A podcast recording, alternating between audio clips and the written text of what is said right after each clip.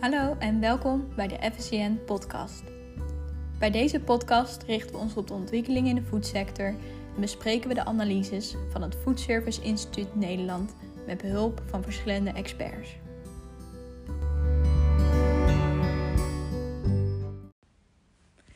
Welkom bij de vierde aflevering van de FSCM podcast met Stefan Garelli. Stefan Garelli is hoogleraar aan het Instituut for Management Development, de IMD Business School in Lausanne, Zwitserland. Hij is oud-directeur van het World Economic Forum en oprichter van het World Competitiveness Center. Ook is hij schrijver van baanbrekende publicaties en twee bestsellerboeken, waaronder Are You a Tiger, a Cat or a Dinosaur? Met Carelli bespreek ik de gevolgen van het virus en de crisis op de wereldwijde economie. We gaan het hebben over nieuwe vormen van globalisering en wat dat betekent voor bedrijven en een exportland als Nederland. Ook bespreken we de gevolgen voor de samenleving. Welke groepen worden het hardst geraakt en hoe verandert de huidige situatie het consumentengedrag? Ten slotte geeft Carelli antwoord op een vraag die we graag van hem te weten willen komen. Hoe ziet hij de toekomst voor zich? Heeft u ook een vraag die u graag in een podcast beantwoord wil krijgen? Stuur dan een mail naar info.fcm.nl of laat een spraakbericht achter. Deze aflevering van de FCM podcast is eenmalig in het Engels vanwege onze gast Stefan Garelli. Uh, welcome, Stefan. Thank you for joining us today. Today, I would like to discuss the consequences of the COVID 19 crisis on the economy. Starting on the global perspective, how does the pandemic affect the global economy, in specific globalization? Well, basically, we're opening a, a, new chapter in the globalization of the economy. The past chapter was characterized by the fact that we were living in a one world, uh, united with a lot of cost efficiency, just in time. But actually, we discovered it was also very vulnerable to crisis.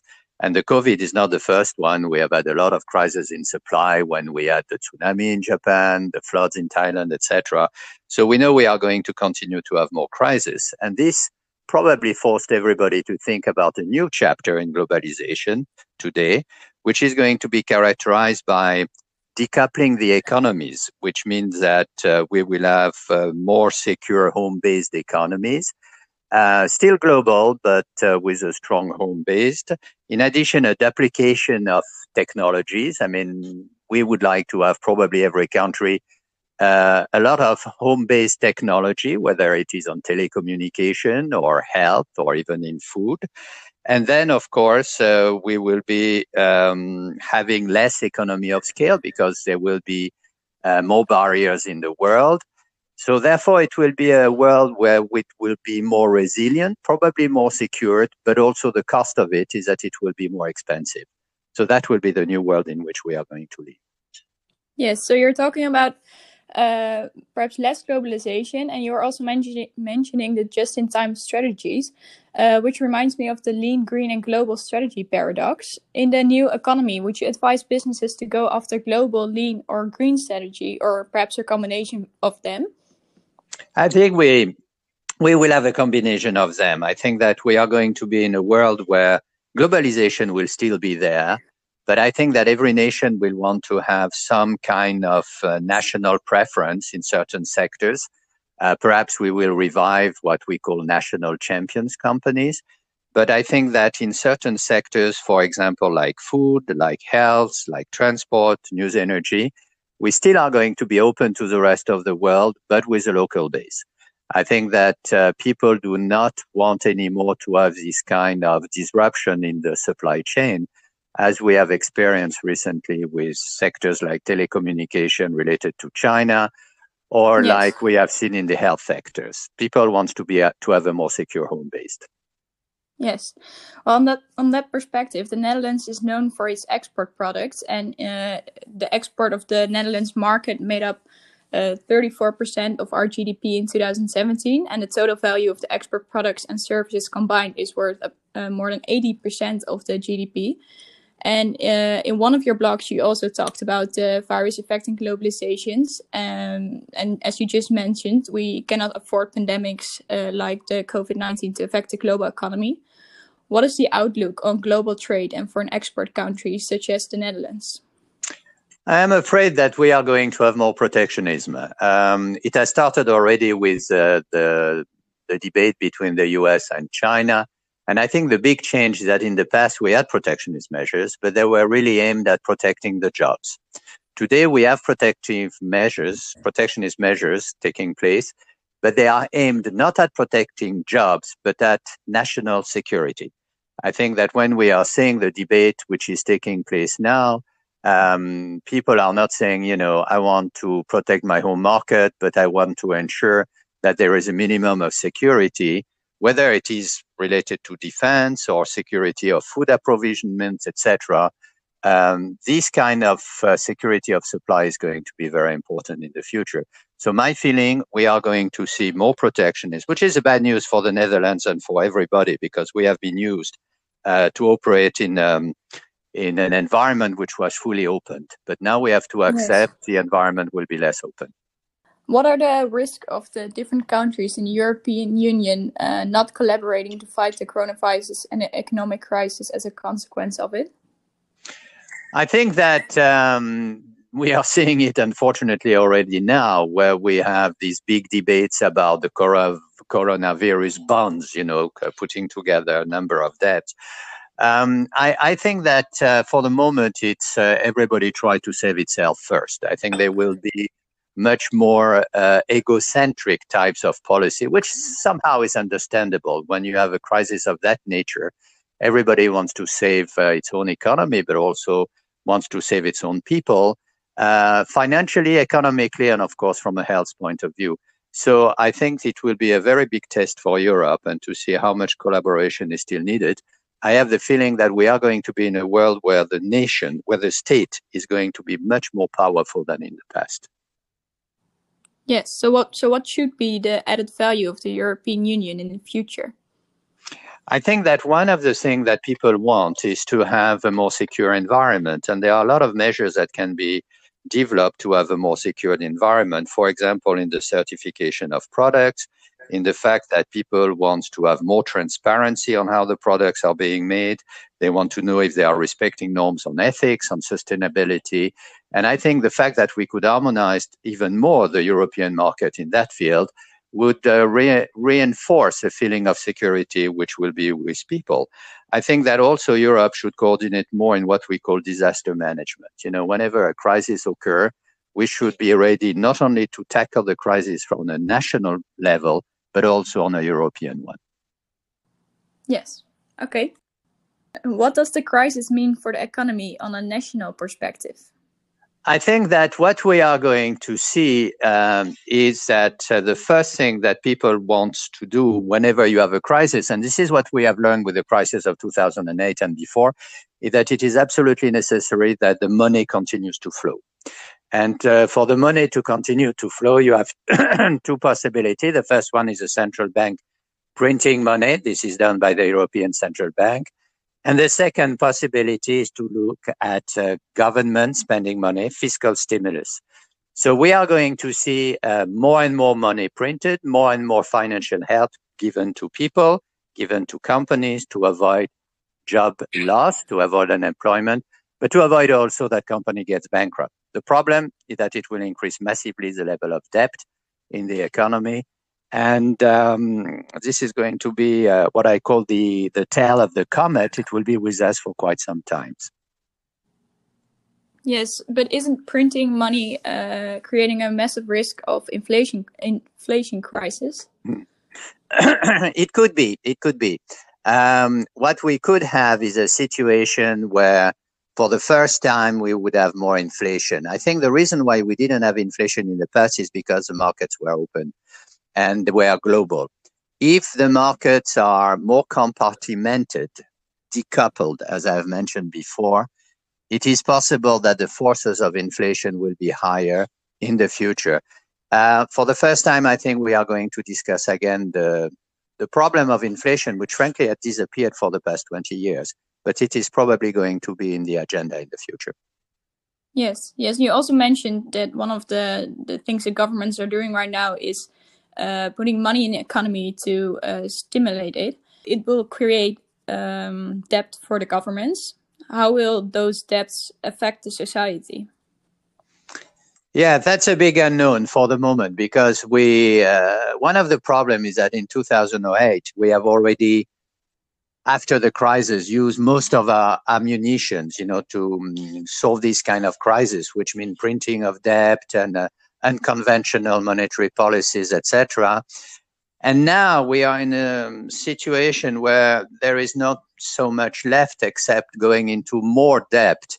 And um, we believe that most of the uh, many, but many governments in Europe will probably run a, a deficit of the budget around 8%, which is enormous compared to the 3%, which are the targets. And yes. I think that uh, we are probably going to see this level of debt going with us for quite some times. And my feeling is that the government have to accept the situation. It's better to have a government into debt rather than to have people losing their job or getting bankrupt. Yes. And how will this affect the different groups of society? Well, I think, like, like, as usual, the most vulnerable people are going to be those who are um, at the uh, lowest part of the revenues.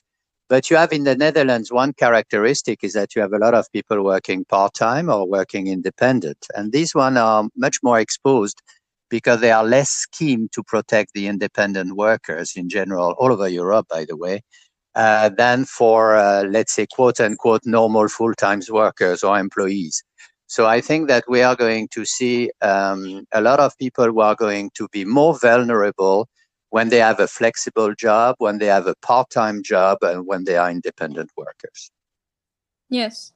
Yes, I think one of the trends we already see is that a lot of people with flexible jobs they are being laid off or their contract is not being uh, renewed. So uh, I think that's correct that those people will be hurt the most. But uh, are there also people who benefit from the crisis? Well, for the moment, those who are benefiting for the crisis mainly are those in the telecommunication technology sector, because of course, the fact that we are working more and more remote uh, and that we are discovering that we can do a lot of things remote um, really probably is going to uh, make that these technology company they will suffer, but they will suffer less than the rest of the uh, environment. I think that uh, those who are going to suffer less probably is in the food business because people still need to eat and uh, they will uh, continue to have uh, a, a situation where the, the job, the, the, the business is going to change because people will want, as I say, more security, probably more local suppliers. But in general, I think we will have to learn to work with a new infrastructure, e-payment, uh, e-commerce, etc. What is striking for me that this new infrastructure, which is getting into place, um, is very much in the hands of private companies. You know, the Amazon, uh, the banking, etc. It's not so much government hold. And why is that striking for you? It's striking because it means that um, if you are looking at e-commerce, e-payments, e-bankings, uh, e-conferencing, all these things, um, so far they are critical. They are probably some of the most critical infrastructure today to operate. Um, and uh, the government is still struggling to control those companies like Amazon, like uh, Google, like uh, all those large companies, uh, Facebook, etc. And um, and still, they realize that a significant part of our society and our economy is depending from those companies. They are private, and very often they, they don't even pay the amount of taxes that they should pay. So it's very worrying for the government to realize that suddenly they depend very much. The economy depends very much on private company, on which they have very little power. Yes, Okay, I understand. Thank you. So we talked about the virus being an, uh, an economic crisis and the impact of it, but uh, of course the virus is a health crisis first as well. Um, so we, it's hard to compare this crisis to a, a, crisis that's been in the past, like 2008. Uh, do you think this crisis is going to change consumer behavior? I think it's going to change definitely consumer behaviors. I think what consumers will want is as I mentioned, security, of course, transparency of products. They want to know exactly where the product comes from, how it is being composed of, etc. Ethics. They want to know probably if it has been uh, supplied in an ethical way uh, all around the supply chain. They are interested in sustainability, biodiversity, etc. And I think that the key issue there is a certification process. Uh, we will go, in my opinion, in a world where companies will have a certification process for sanitary behaviors in the same way as we have for quality. We have ISO 9000 for quality.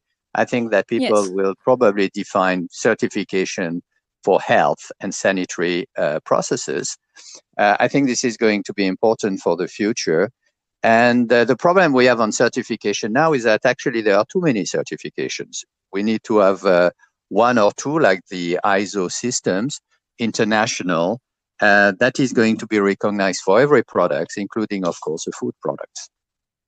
Yes, but uh, what is your view on uh, the certification like uh, ISO 9000, ISO uh, 14000, and uh, innovations and small companies that might be difficult for them to get such certification? Yes, you're right. I think this is one of the problems that we have encountered right at the beginning of the ISO 9000 quality certification, which is that the smaller company do not have the resources, do not have the management techniques in order to do it. Um, and I think that uh, we need to help them. And I think that's where government or government-based institution, but also chambers of commerce, employers union, etc., should really help the smaller enterprises to get this certification. But I think that sooner or later, just like it is compulsory or today, if you want to perform correctly to have your ISO 9000, I think we will have absolutely the need also to have certification for health and sanitary. I mean, there is no other way out, and we will need to, uh, to help the enterprise to do it. But um, I think that despite the fact that it is difficult, it doesn't mean it's something that can be avoidable. Yes, I agree. Thank you. Uh, perhaps a final question. What is your perfect, uh, perspective on the future? Um, I think that we are going to have um, a rough year. I think that in many countries, I believe that uh, the economy will shrink by something that 8%. So it's going to be quite massive for the GDP in many countries. And uh, I feel also that just after we are going to reopen the economy, there will be a short period of time where people will buy again, you know, so a little recovery because we we will have the feel good effect, you know. We need to experience life again. But I am afraid that the the tail of the comet, the tail of the recession is going to be longer because than expected because people will realize their revenues have been reduced. The government have been spending a lot of money. So I think it, we will have a slow recovery, probably slower than what most people expect. Well, thank you very much for joining us today, Stefan. I appreciate your contribution. Thank you very much. It was a pleasure talking to you. Thank you. Have a good day. Have a good day. Goodbye.